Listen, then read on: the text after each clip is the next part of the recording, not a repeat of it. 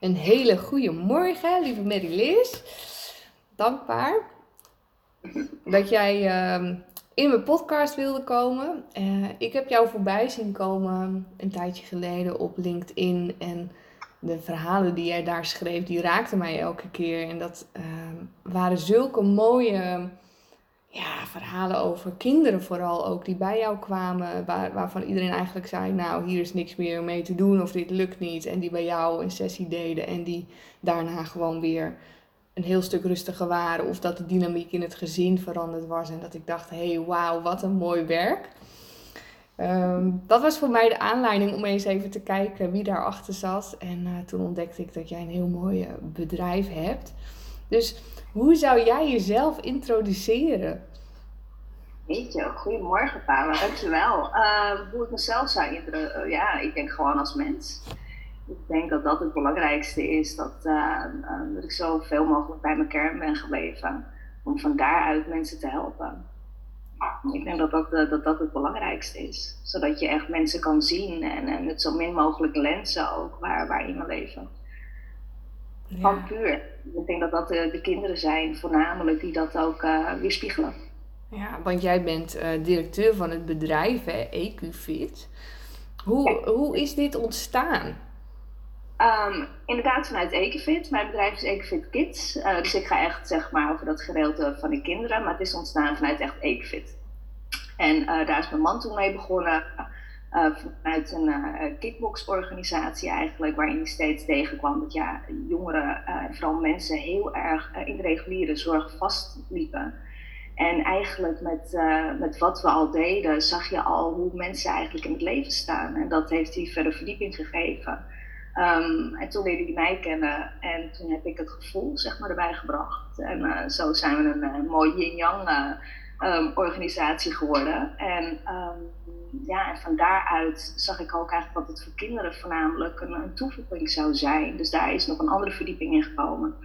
Um, zo, ja, zodat we zo veel mogelijk mensen konden helpen. Eigenlijk, maar echt vanuit het lichaam, vanuit gedrag. En, en ik vind het heel erg belangrijk als we kijken naar de reguliere zorg. Uh, we zijn heel erg met het IQ bezig.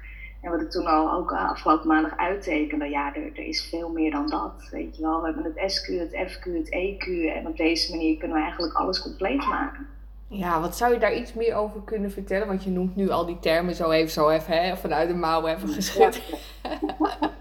wat, wat, wat maakt zeg maar jullie methode uh, zo anders dan wat er nu op dit moment is?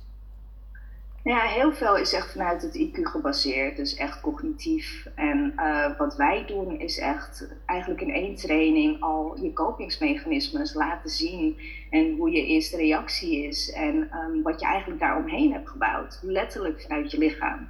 Dus, en je kan het ook zien dat je eigenlijk je lichaam heeft uh, gaandeweg ergens uh, in je jonge jaren iets opgebouwd. En um, daarin leven we nog steeds. We leven en reageren nog steeds vanuit ons innerlijke kind. En um, ja, en dat zie je gewoon echt in de oefening. Dus we verstarren en daaromheen hebben we niet op een goede manier adequaat kunnen reageren ooit. En uh, daarentegen hebben we dan uh, het, vechten opgebouwd of het vluchtsysteem in onszelf. En uh, dus we leven echt vanuit ons overlevingsmechanisme. Dus dat is belangrijk om van daaruit ook weer die rust te gaan brengen. Want anders ben je alleen maar bezig met het ontwikkelen van kennis. En, en dat is wat mensen ook frustreert. Van ja, maar ik weet wel uh, wat ik moet doen. Maar ja, op het moment zelf dan ja, reageer ik toch vanuit emotie. En dat komt omdat je lichaam dan nog steeds uh, hetzelfde leeft vanuit vroeger. En op het moment dat je dat herschrijft, ja, dan kan je pas echt stappen maken. Ja, ja, ik herinner me, ik was afgelopen maandag, mocht ik bij jou uh, kennis maken hè, met jullie methode. En ik herinner me uh, een oefening waarin ik dus enorm inderdaad vanuit die vechtmodus gewoon mijn doelen wilde bereiken. En dat jij op een gegeven moment zei, welkom in je leven. En dat ik ook echt gewoon even dat besef had van, jeetje, inderdaad. Ik werk dus gewoon altijd kei kei en keihard om iets te bereiken, waardoor je gewoon doodmoe wordt. Het is ook niet zo gek dat we allemaal zo moe zijn. Ja, wat zie je dat, wat, wat zie jij terug als, um, is dat überhaupt zo zeg maar, dat je bepaalde dingen eigenlijk bij een hele grote groep mensen terug ziet komen? Qua kopingsmechanismen, bij iedereen misschien wel. Ja, maar bij iedereen. Maar dat komt ook op het moment dat we naar school gaan. Ehm, dan willen we ergens bij horen. We zijn nou eenmaal diedeldieren. En um, dus uh, we willen bij elkaar horen, we willen het goed doen. Dus we hebben het bewijsdrang, het geldingsdrang. Alles wordt op dat moment geactiveerd, weet je wel. En ook met de groepsdruk. En um, dat merk je gewoon gaandeweg naarmate je ouder wordt. Dat we allemaal daar bepaalde uh, littekens aan hebben overgehouden. En dat merk je gewoon onwijs in de oefening. Dat, dat mensen echt om bevestiging vragen. Um, doe ik het goed? Niet doorlopen naar hun doelen, omdat ze het niet kennen. We leven echt vanuit wat we kennen. En dat is vaak ook gewoon pijn en verdriet en boosheid en al die emoties. En dat is onze comfortzone geworden. Want stel je voor dat je dat los zou laten, wie ben je dan? Weet je? En dat maakt het ook zo en waarom mensen in één keer denken van ja, daar ligt mijn doel. Um, en als dat bijvoorbeeld meer zelfvertrouwen is, wat heel vaak natuurlijk naar voren of meer eigenwaarde, of gezien willen worden, of gehoord willen worden, um, dan, dan, ja, wie ben je dan? Weet je wel? En dan heb je niks meer om op terug te vallen als excuus. Dus dan moet je. En, en, en dat vinden mensen ook weer heel erg spannend, want dan zit je in groeimodus. En weet je, zeker als je heel lang in een bepaalde vorm hebt gezeten, um, ja, dan stagneert ons lichaam letterlijk. Die stopt gewoon. En dat zie je bij iedereen gebeuren. Bij iedereen zie je hetzelfde patroon eigenlijk. En, uh, maar allemaal met een andere vingerafdruk, zeg maar. Dus allemaal vanuit andere kopingsmechanismen. Want sommige mensen hebben een hele fijne jeugd gehad. Uh, maar ook weer dingen daaruit meegenomen. En andere mensen hebben een hele onveilige jeugd gehad. Maar alsnog uh, willen we gewoon als mensen heel graag gezien en gehoord worden. En dat, dat merk je gewoon echt aan je lichaam. Dus die vertelt echt het verhaal. Dus heel vaak komen mensen ook met bepaalde doelen. En uh, gaandeweg hebben ze zoiets van: oh, volgens mij moet ik toch wat anders neerzetten. Ik zeg, ja. Dat is vaak het, uh, het overkoepelende. Ja, want wanneer komen mensen bij jou? Um, ja, dat is echt heel breed. Dat is echt heel breed. En zeker omdat we natuurlijk um, um, kinderen behandelen ook, maar ook uh, volwassen mensen. onze oudste, uh, kijk even, mijn lieve mama, die is 73 volgens mij nu.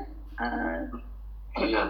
Ja, dus, dat, ja, dus het is echt heel breed en dat is voor van alles. Hè. Dus mensen die echt met zichzelf in de knoop zitten, maar ook suicidaal zijn. Um, maar ook preventief, uh, die gewoon zoiets hebben van ja, ik wil me toch wat lekkerder in mijn vel zitten. Um, ja, dus dat, dat kan echt heel erg breed. Ik, uh, ik heb al zoveel dingen gezien en meegemaakt en gehoord dat ik niet echt één richting. Het belangrijkste wel is van onze partners dat ze wel, dat we wel zeggen, kies een doel uit. Weet je, kies een doelgroep uit waarbij je het meeste energie krijgt. En van daaruit uh, uh, ja, verder een basisfundament neerleggen. Ja, en jij werkt dan voornamelijk met de kinderen, hè, zei je. Zie je ook uh, een verschil tussen de kopingsmechanismen bij kinderen die dus nog jong zijn of bij de volwassenen? Of is dat exact hetzelfde al? Dat is praktisch hetzelfde al. Weet je, en dat is, en dat is zo bijzonder, um, want ik doe dat ook in gezinnen. Um, dan zie je ook gewoon dezelfde kopingsmechanismes terugkomen van een ouder en een kind. En, en, dat is dan heel mooi om te zien, ook als ik ze gezamenlijk in een zaal heb. Van hé, hey, uh, op het moment dus dat ik met het kind al die oefening heb gedaan. En die weet gewoon hoe het moet. En, en dat is dan zo mooi om te zien als je in één keer ook de ouder erbij zet. Dat ze gewoon het oude gedrag weer vertonen. Dat ze je echt aankijken van hé, hey, wat gebeurt hier nu? Waarom reageert mijn lichaam nu weer zo? Terwijl ik weet dat ik wat anders moet doen. Dus dan zie je het zo eigenlijk weer overlappen in elkaar. En ja, weet je, dus je ziet altijd weer hetzelfde weer, weer terugkomen. Dus dat is wel heel erg bijzonder. Ja. En is het dan zo, jij zegt, hè, van als we, uh, mensen de oefening doen, en die, die heb ik ook ervaren, en dan kun je dus wat er gebeurt, wat er is opgeslagen in je lichaam, dat kun je herschrijven. Ja. Als ik dat even zo echt helemaal tot mij uh, diep naar binnen laat gaan, dan, dan denk ik, wauw, als je dus alles, dus al je kopingsmechanismen kunt herschrijven, moet je nagaan als iedereen dat zou doen. Hoe, hoe mooi zou de wereld dan worden? Want dan reageer je niet meer vanuit, nou ja, vanuit de vecht- of de vluchtmodus, maar gewoon vanuit je zijn. Ja, en dat, dat is echt, dat is natuurlijk een, uh, ja, noem je dat? Een utopie of een, een, iets wat een illusie kan zijn. Maar ja, ik geloof daar wel in. Ik blijf er ook in geloven en daar blijf ik ook voor strijden. Want um, ik geloof ook echt wel in pay it forward en de butterfly effect. Uh, dus op het moment dat je één iemand aanraakt, dan, dan raakt die persoon ook weer iemand aan. Weet je? En dat zijn ook eigenlijk onze grootste ambassadeurs die het hebben gevoeld en ervaren, die, die echt zoiets hebben tegen anderen. Ja, maar dit moet je doen. Weet je, dit moet je meemaken omdat dit anders is. En op deze manier um, kunnen we elkaar ook helpen. Weet je? En zeker als ik kijk vanuit een groot pijnstuk, en dat is echt het systeem jeugdzorg, als we het hebben over kinderen en voor volwassenen natuurlijk de GGZ. Um, kijken ze daar ook heel erg vanuit een eigen pijnlens naar uh, casussen. Weet je, dus ik heb ook zoiets van ja, op het moment dat je met mensen werkt, moet het eigenlijk verplicht zijn dat je echt naar jezelf kijkt ook. Ja. Anders kan een ander niet objectief helpen, maar dan bekijk je ze echt vanuit de dingen die je hebt meegemaakt en vanuit jouw lens en vanuit het programma, of hoe je het ook noemen wilt, uh, wanneer je geprogrammeerd bent. En ik denk dat dat um, uh, een van de grootste sleutelstukken is om eigenlijk vanuit een groter vlak uh, de mens te helpen. Ja, dat vond ik ook mooi, want jij had ook geschreven, of tenminste dat zag ik staan op de website van wij zien geen diagnose, maar wij mm. zien de mens. Geloof je ook niet in diagnoses of hoe zie je dat?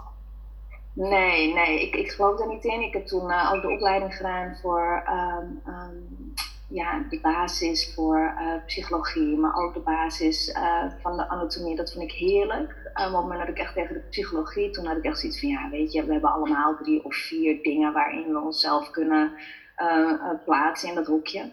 En uh, toen ik 15 was, um, uh, ik, heb, ik had echt een hele moeilijke jeugd. Ik heb heel veel dingen meegemaakt. En toen ik 15 was, uh, is er bij mij borderline geconstateerd. Niemand wist ervan. Weet je, mijn ouders ook niet. En, en op een gegeven moment kreeg ik op mijn 17 een zwaar ongeluk. En toen kwam dat ineens naar voren. En ik had echt zoiets van, nou, wat is dit? Staat dit gewoon serieus in mijn doktersrapport? En toen heb ik ook nou, de tegenpartij, het, het groot vervoersbedrijf Amsterdam, die ging dat ook gewoon gebruiken. Nou ja, het zit tussen je oren. En toen ik gezegd, nou stuur me maar naar een psychiater, want ik weet wat het is. En ik weet dat ik dat in elk geval niet heb. En um, toen ben ik naar hem toe gegaan, naar de psychiater.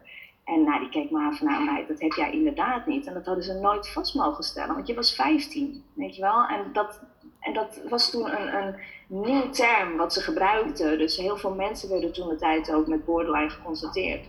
En ik heb zoiets van, ja, dit, dit kan gewoon niet. En ik zie het nu ook weer gebeuren met burn-out, met ADHD bij kinderen. Weet je, het, het zijn heel veel termen voor dingen die we, ja, omdat we af en toe niet weten waar dingen vandaan komen. Maar als je eigenlijk al die dingen in een potje zou doen, gaat het allemaal om emotieregulatie. Elk stuk. Weet je wel? En allemaal vanuit de dingen die we mee hebben gemaakt, maar ook vanuit patronen wat we mee hebben gekregen van onze ouders. En kopingsmechanismes, want we zijn één grote spiegel voor elkaar. Dus ja, op de vraag of ik daarin geloof, uh, nee. nee. Niet. is het dan zo dat wanneer iemand uh, bij jou komt, hè, dus bijvoorbeeld een gezin met een kind dat gediagnosticeerd is met ADHD of autisme of wat dan ook, uh, dat je ook bijvoorbeeld terugziet dat kinderen of ouders die persoon of zichzelf echt helemaal op die manier zijn gaan zien? Ja, zeker. En, en bij kinderen vind ik het ook heel erg mooi op het moment dat ze daar zeggen, ja, maar mijn kind heeft ADHD. Uh, en ik vraag dan het kind zelf van, goh, wat vond jij ervan? En van, ah, daar klopt helemaal niks van. 9 van de 10 die zegt echt zoiets van, nou, weet je, dat, dat, dat, dat voel ik niet. En dat, nee, zo, zo hoort het ook niet. En die vechten er ook ergens tegen, letterlijk.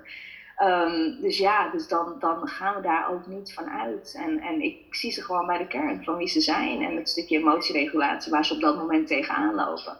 Dus ja, dat, dat zeg ik ook tegen de ouders. En vandaar dat we dat ook gewoon echt op de website hebben staan. Van ja, wij kijken verder dan die diagnoses. We kijken gewoon echt naar de mensen zelf. En ik denk dat dat heel erg belangrijk is. Kijk, vanuit de reguliere zorg moet je een indicatie hebben of een uh, diagnose om uh, verder te kunnen of om behandeld te kunnen worden of om het, um, um, ja, uh, dat je het kan declareren bij de, bij de zorgverzekering. Anders kom je er ook weer niet. Dus ja, ik, ik, vind, het, ik vind het gewoon een heel krom systeem af en toe. Weet je wel? En het ergste vind ik dat heel veel mensen die ik spreek, natuurlijk vanuit de GGZ of vanuit de jeugdzorg, er ook niet meer achter staan.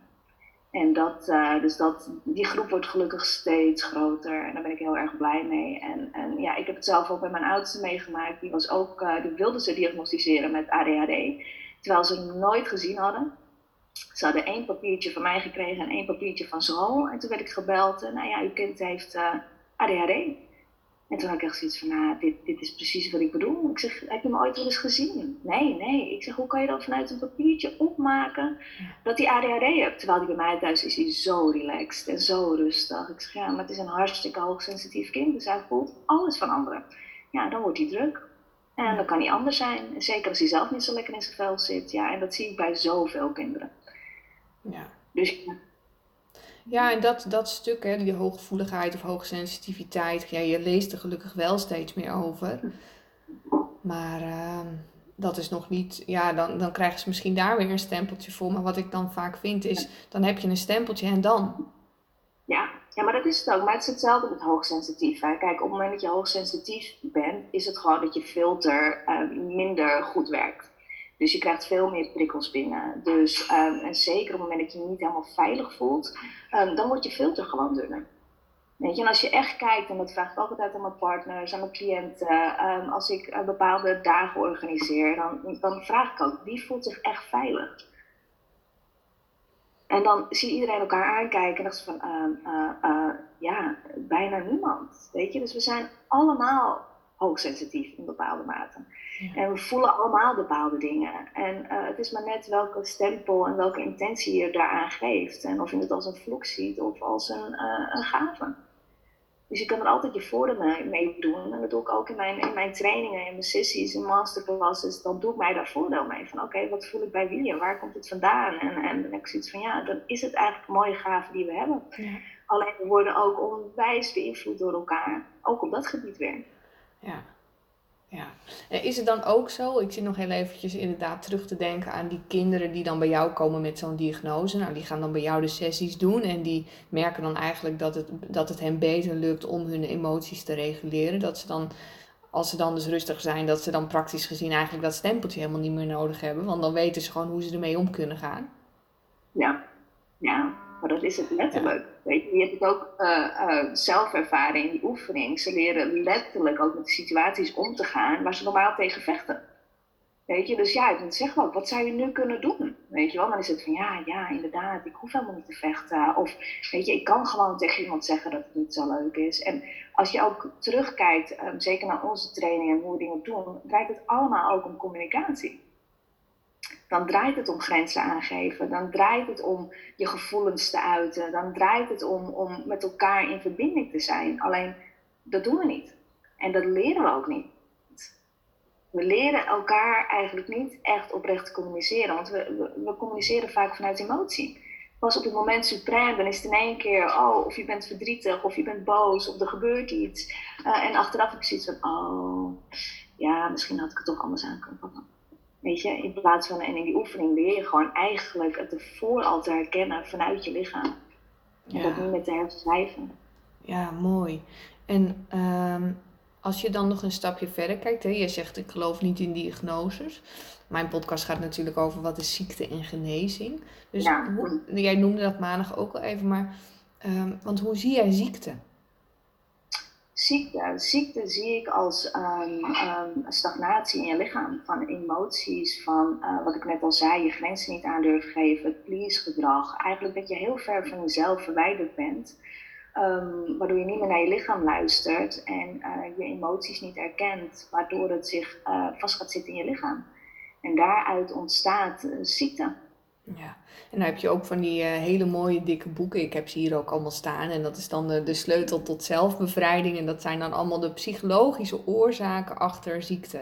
Nou, nee, ik heb mijn eigen ziekte ook helemaal uitgespit. En, uh, maar als ik, als ik even globaal dat hele dikke boek van een paar duizend bladzijden doorlees, dan komt dat eigenlijk allemaal neer op wat jij nu, nu zegt. Alleen zijn er dan net iets andere nuances.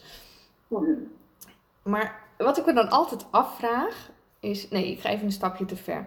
Um, want wat is dan genezing volgens jou? Uh, genezing is weer de blokkade laten stromen. Dus uh, op het moment dat je het aan durft te gaan, want we zijn gewoon allemaal rete bang om, om bepaalde dingen van onszelf aan te gaan. Dat is ook waarom ik, ik heb het altijd over de wounded healer, als we anderen helpen. Uh, dat is eigenlijk omdat we op die manier een ander helpen waar we zelf in stagneren. En, en ik hoor het ook altijd uh, partners zeggen en mensen om me heen die ik coach. Van, uh, ja, wat ik eigenlijk tegen die persoon zei, dat kan ik zelf ook wel gebruiken. dan moet ik altijd wel lachen. Ik zeg, ja, maar dat is ook hoe het werkt. Weet je wel? En ik denk dat dat ook ehm, ehm, heel erg belangrijk is om, om te beseffen.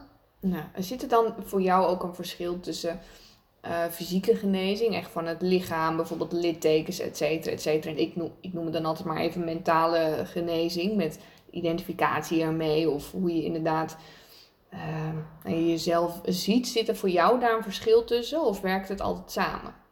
Het werkt altijd samen. Weet je, en dat, dat is ook wat ik zeg, en dat is ook eigenlijk waar de methode voor staat. Op het moment dat je echt vanuit je lichaam. Um, um, het is eigenlijk ook heel biologisch. Hè? Ik heb, um, begin dit jaar heb ik een uh, opleiding gedaan van Dr. Stephen Porch. Met het uh, SSP, Safe Sound Protocol.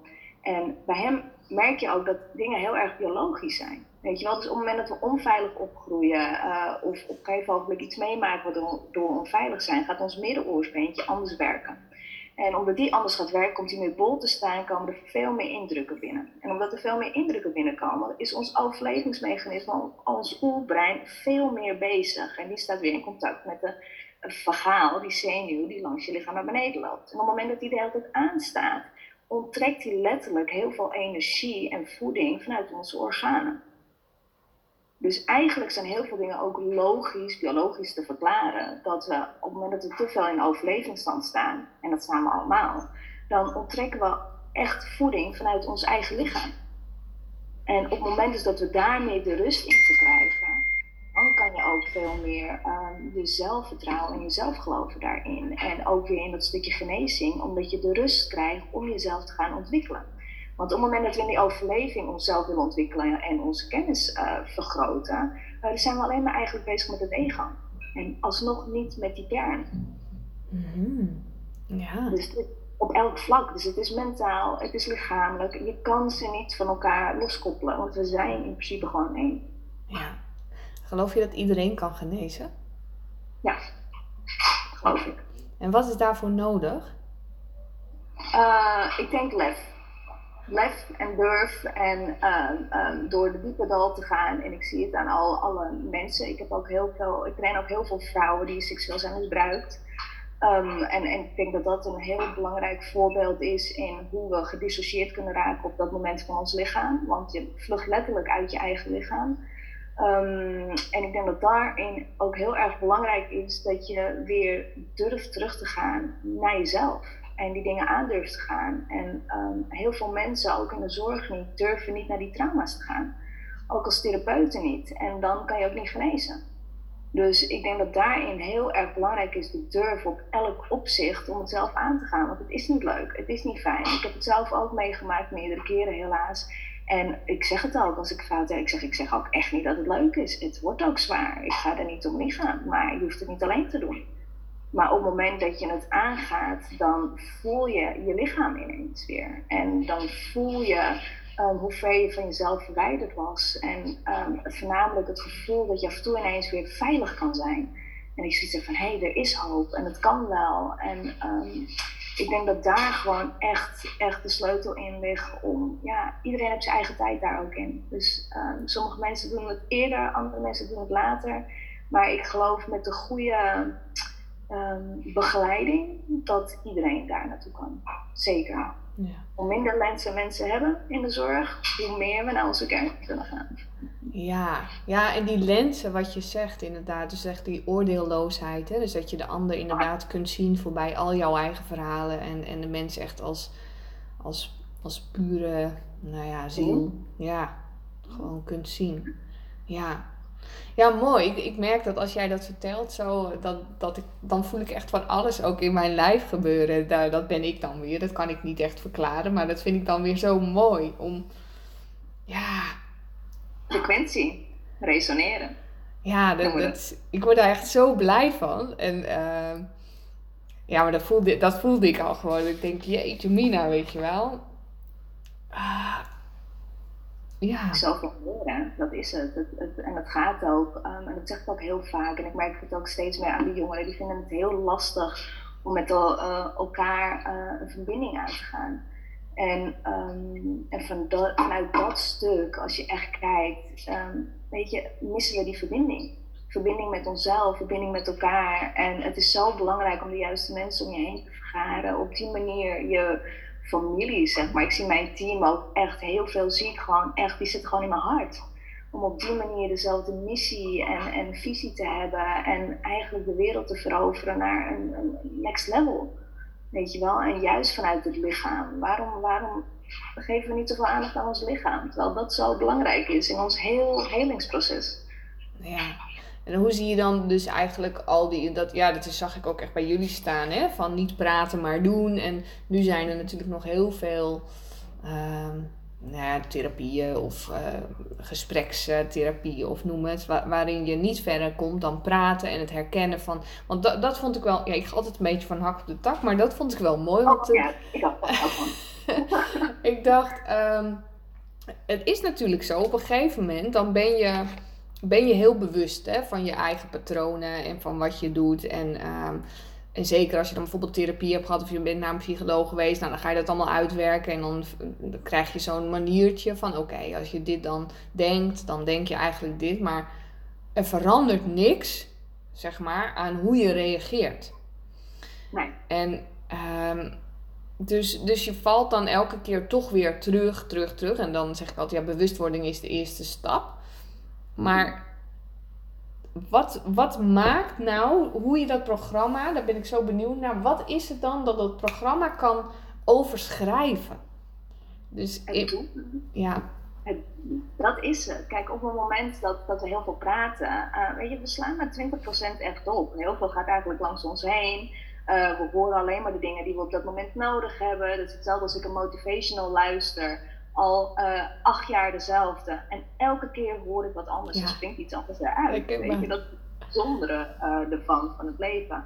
Alleen op het moment um, dat we alleen maar bezig zijn met het brein en kennis en oh je moet dit doen en we weten het allemaal supergoed. Um, op het moment zelf, dan uh, neemt het lichaam het over. Dus het, dat is precies hetzelfde eigenlijk. Op het moment dat je in gevaar bent, letterlijk, en je zou een leeuw voor je hebben, dan neemt je lichaam het over. Dat is het vechten, het vluchten of versnellen. En dat is in elke situatie zo.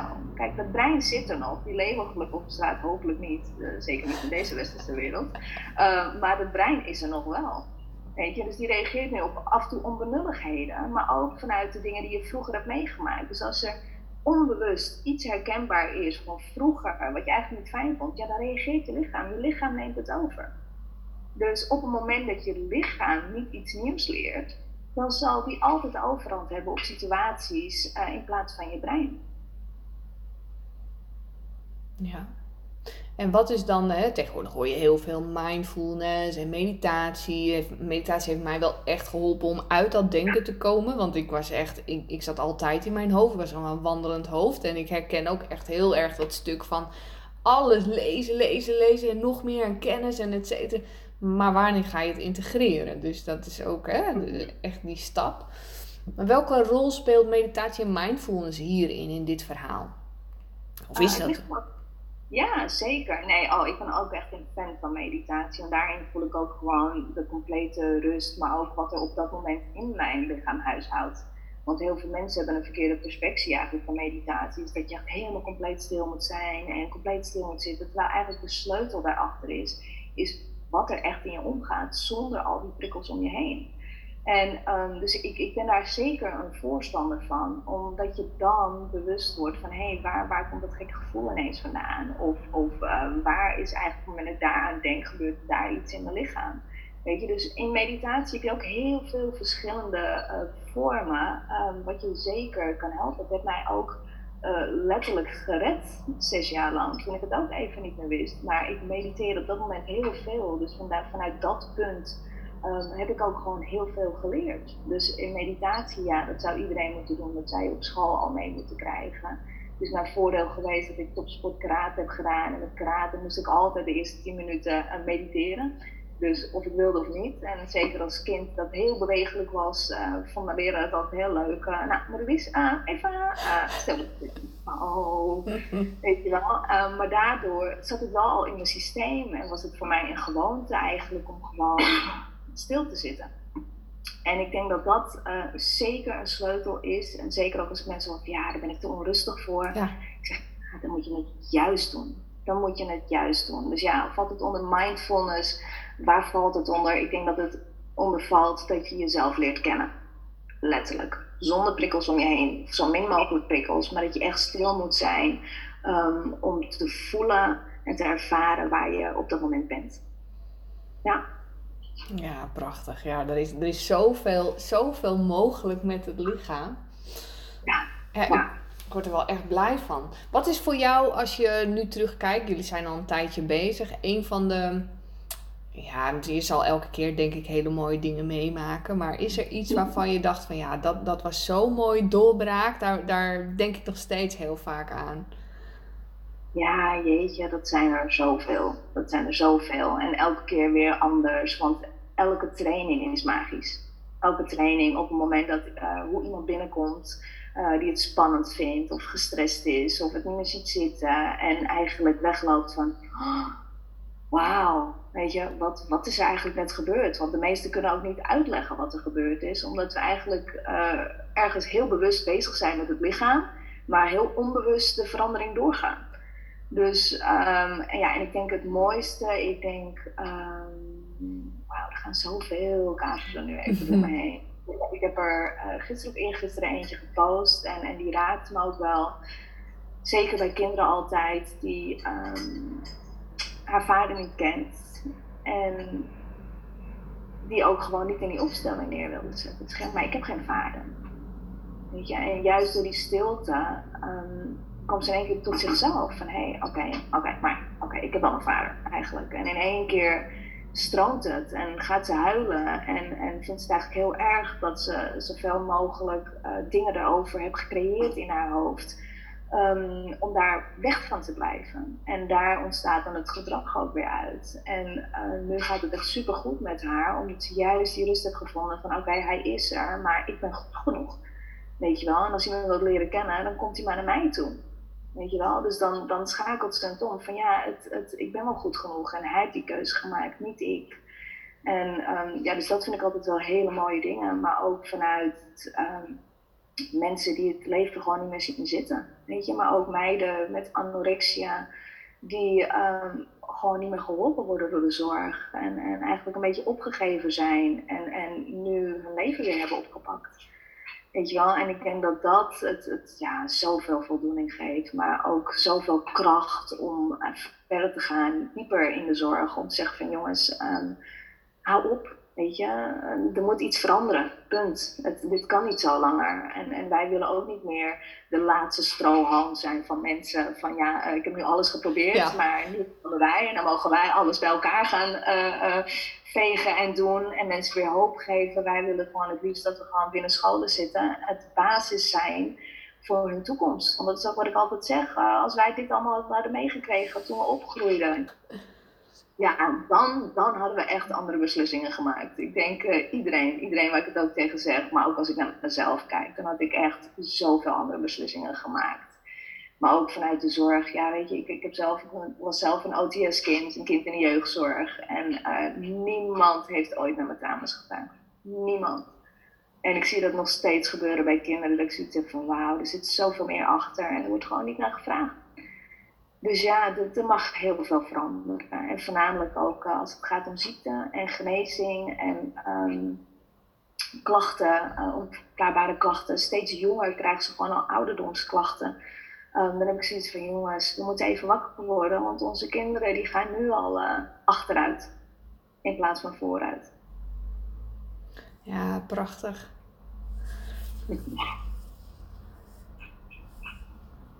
Denk jij dat als, um, als dit echt geïntegreerd zou worden bij de kinderen van jongs af aan al, dat er dan ook veel minder ziektes en diagnoses, et cetera, gesteld zouden worden? Ja, dat weet ik wel zeker. Dat weet ik wel zeker. Ik, ik, elk kind die ik, uh, die ik zie, zit in een overlevingsmodus. Maar ook kinderen die gewoon bij ons komen voor uh, preventief. Want we doen ook tienweekse trainingen. Um, en daar zie je het ook al in. Dus je ziet al dat ze in een overlevingsmodus zitten, dat ze erbij willen horen, uh, of in een vluchtsysteem raken, omdat ze het allemaal een beetje spannend vinden, of wat mensen van hen denken. En dat begint al zo klein.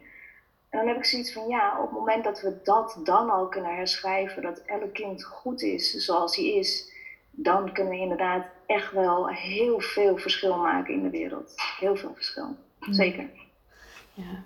Heb jij zelf nog wel eens, ehm, iedereen, jij zegt iedereen heeft eigenlijk uh, overlevingsstrategieën. Heb je zelf ook nog wel eens dat je, dat je bij jezelf opmerkt dat je daar weer inschiet in een bepaalde situatie? Of ben jij echt compleet zen en uh, lukt het jou altijd?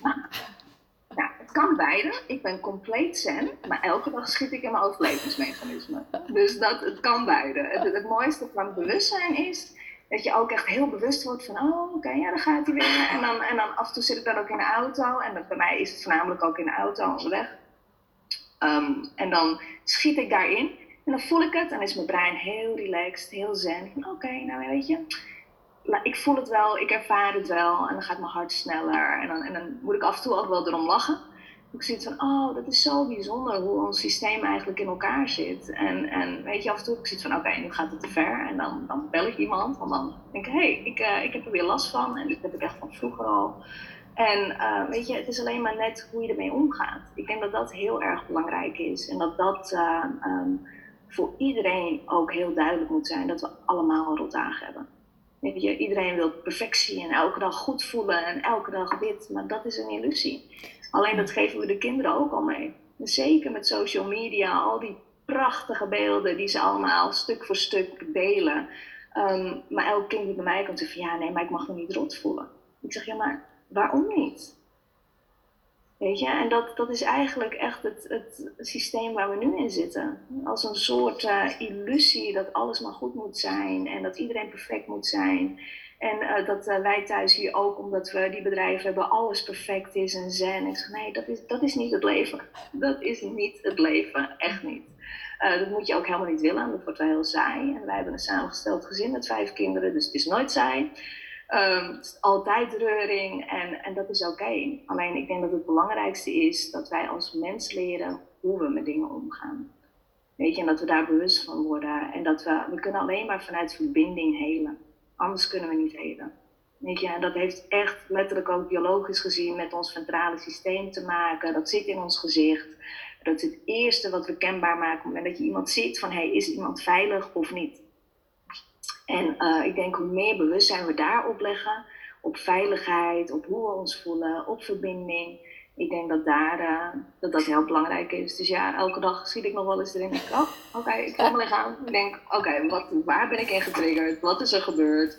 En uh, soms lach ik erom en soms moet ik erom huilen. En uh, het belangrijkste is om het gewoon lekker te laten zijn en te stromen. En voornamelijk heel erg open ook daarin zijn. Ik denk dat je daar de meeste mensen ook gewoon in raakt. Dat, dat we allemaal mens zijn. Ja, ik vind het echt super mooi dat je dat zegt. Toevallig had ik ook opgeschreven van de week, hier, hier ligt hier naast mij. Geluk gaat ook om het accepteren van de mindere momenten. En um, wat, wat ik heel vaak zie, en daar herken ik ook mezelf in op het moment dat ik toen uitval kreeg of dat ik slecht, uh, slechter werd en dat ik ziek werd, dan bestempelen we dat als ook echt letterlijk als iets slechts of als iets niet goeds. Terwijl als je dat zou omarmen als iets wat ook bij het leven hoort en dat dat ook gewoon part of the job is, noem het maar zo. Zo zie ik het leven gewoon, dat het één grote leerschool. Dan is het opeens helemaal niet iets ergs meer, dan is het gewoon iets wat erbij hoort. Ja, ja maar weet je, het, het is ook zoveel meer. Hè? Als, als je kijkt naar, ik, en dat zeg ik altijd tegen mensen, dan vinden ze het zweverig of niet. En dan moet ik altijd wel lachen. Dan denk ik, ja, als we alleen maar al naar de maan kijken. Weet je, dan, dan de maan heeft zijn eigen cyclus. Wij als vrouwen hebben onze eigen cyclus. De mannen hebben een eigen cyclus. Um, maar op het moment dat de maan vol is, dan merk je gewoon hoeveel uh, stress mensen hebben vaak. Sommige mensen worden heel erg rustig. Maar anderen worden ook gewoon veel stresseriger. Dan zeggen ook, ja, wat heeft die maan ermee te maken? Ik zeg nou, als de maan al een hele oceaan en de zeeën kan beïnvloeden, welk ego hebben wij als mens dat, dat het ons niet kan beïnvloeden? Ik zeg, wij bestaan ook voor 72% minimaal uit water. Ik zeg, ik weet het niet hoor. Ik zeg, tuurlijk komt er bij ons ook van alles kijken. Dus ja, natuurlijk heeft de maan ermee te maken, ook hoe wij ons voelen en in welke eh, seizoen wij zitten. We gaan nu de winter in, dus mensen worden veel, veel eerder depressief of voelen zich niet lekker of komen dingen tekort. En we komen veel in Nederland, veel vitamine D tekort, omdat we gewoon minder zon hebben. Dus eigenlijk is het heel erg logisch. Weet je, alleen er, zit, er, komt zoveel meer bij kijken als uh, alleen ons eigen ego, zeg maar. Ja, Dat, eh, ja, ja maar dat, dat is ook zo. Daar kan, daar kan je echt uren ook nog inderdaad over, over doorgaan of wat dan ook. En dat vind ik dan wel heel mooi ook om bij jou te zien dat... ehm, hè, ik heb jou natuurlijk kort ontmoet en nu spreek ik jou en dan, dan merk ik ook van oké, er zit echt gewoon nog zo'n groot palet omheen van hoe je de wereld ziet en, en hoe je het leven ziet. En hoe mooi dat jullie dat dan hebben weten terug te brengen nu tot iets heel concreets. Hè? Dus wat voor mensen dus ook te bevatten is zonder dat het zweverig of het heeft daarmee te maken. Terwijl je wel juist vanuit daar iets heel concreets hebt gemaakt wat dus nu helpend is voor op dit moment. En hoe, hoe mooi is dat dan wel niet hè? Ja, zeker. Het is tastbaar en mensen willen Ja. dingen zien en, Ja. en op die manier ervaren. Op het moment dat je het niet kan zien, is het er niet. Ja. Weet je wel? Dus dat, dat, en daarom is het ook heel belangrijk. Ik was op dat moment best wel zweverig dat ik mijn man leerde kennen. Dus dat was, zo werd ik bestempeld. Eh, terwijl ik heel analytisch ben. Dat is nog het leukste waar ik na achter kwam. Ik denk, huh? Maar ja, als je heel veel dingen gezien en gehoord hebt, heb ik zoiets van ja, oké, ik begrijp ook wel waarom ik zo werd genoemd. En hij heeft het ook met mijn andere bedrijf ook zo gezegd van ja, maar je moet dingen gewoon aansmaken. Ja. Weet je, duidelijk voor de mens. Ja. Weet je, dat het gewoon begrijpbare taal is. Want mijn uh, Middag zit in Ecofit-opleiding um, om mensen bewust te maken. En ik praat heel aard, maar eigenlijk als je het echt omturnt, is het super zweverig. Weet je wel? En dan hebben mensen, maar ze begrijpen het. Van, Ja. oh, dit is hoe het werkt. En dit is wat er gebeurt met je lichaam. En dit is, ik zeg ja. Ik zeg ja, en sommige mensen, um, um, op het moment dat je het anders zou formuleren, ja, dan vinden ze het zweverig. En dan is het, uh, woe, dan is het iets. En dan zit er nog ergens wel een taboe op. En, uh, dus ja, dat vind ik altijd wel mooi om te horen, om te zien in welk, welk stuk en hoe open iemand is. Weet je wel, ik denk dat dat ook een heel belangrijk stuk in, is in ziekte en genezing. Op het moment dat je ziek wordt en um, ja, je, je, de reguliere zorg weet niet veel, dan ga je automatisch toch ook naar een stukje spiritualiteit in jezelf. Je gaat op zoek, je gaat op zoek naar antwoorden, je gaat op zoek naar oplossingen, je gaat op zoek naar uh, begrip voornamelijk. Waar komen in godsnaam die klachten gedaan of waarom overkomt mij dit? En het belangrijkste ook weer in dat stuk is, is dat je niet te veel doorslaat in het spiritueel. Dat zie ik ook wel heel vaak gebeuren, heb ik zelf ook gehad. Ik denk van, oh, volgens mij ga ik te ver, weet je wel. En, en ja, dat is ook weer uitvlucht. Klopt. Dat is ook weer een overlevingsmechanisme. Weet ja. je wel, alles is terug te herleiden naar ons zenuwstelsel. Dus dat, uh, ja, dat is altijd wel heel mooi om te zien en te voelen. Ja, heel herkenbaar. Ja, het, het, is echt inderdaad, ik noem het altijd maar gewoon een, de route en dan zo'n slingerweg. En dan om, om, uiteindelijk dan weer terug te komen, als, als je daar komt in dit leven, gewoon tot de kern. Gewoon van, ja, ja. het leven. Ja. Ja, nou, daarin is ook echt de belangrijkste vraag bij. En ik vraag deze ook aan iedereen. En ik, ik vind het ook gewoon nog steeds bizar als ik aan iemand vraag gewoon, wie ben je? Gewoon een simpele vraag, wie ben je? En iedereen stagneert. Um, wat bedoel je? En ik zit van, ja maar wie, wie ben je? Weet je wel? Ik zeg gewoon, dat op het moment dat je dat niet weet, dan, dan heb je ook geen basisfundament voor jezelf. Dan zal je altijd aan die buitenkant blijven zitten van ja, maar dit is me overkomen en daar ga ik me mee identificeren. Of uh, het leven is gewoon kut, weet je wel, daar identificeer ik me mee. Maar op het moment dat je niet teruggaat naar je eigen kern van wie je bent, welke rollen je hebt, en uh, dat je gewoon in die rollen altijd jezelf bent, ja, dan zal je altijd zoekende blijven. Dus ik denk dat dat echt de kernvraag is voor iedereen. Je moet minimaal 30 punten hebben die je zo op kan noemen van ja, dit is wie ik ben. Want dan kan je altijd op jezelf terugvallen in plaats van op externe dingen. Daar heb ik echt niks meer aan toe te voegen. Dankjewel Marilies voor deze prachtige woorden, voor jouw inspiratie, maar vooral ook voor jouw mooie missie die jij de wereld in wil brengen samen met jouw man. Waar kunnen mensen jou vinden als zij denken, hé, hey, die methode, daar wil ik meer van weten of ik wil daar met mijn kinderen heen, want jij doet vooral de kinderen, maar jullie doen ook volwassenen.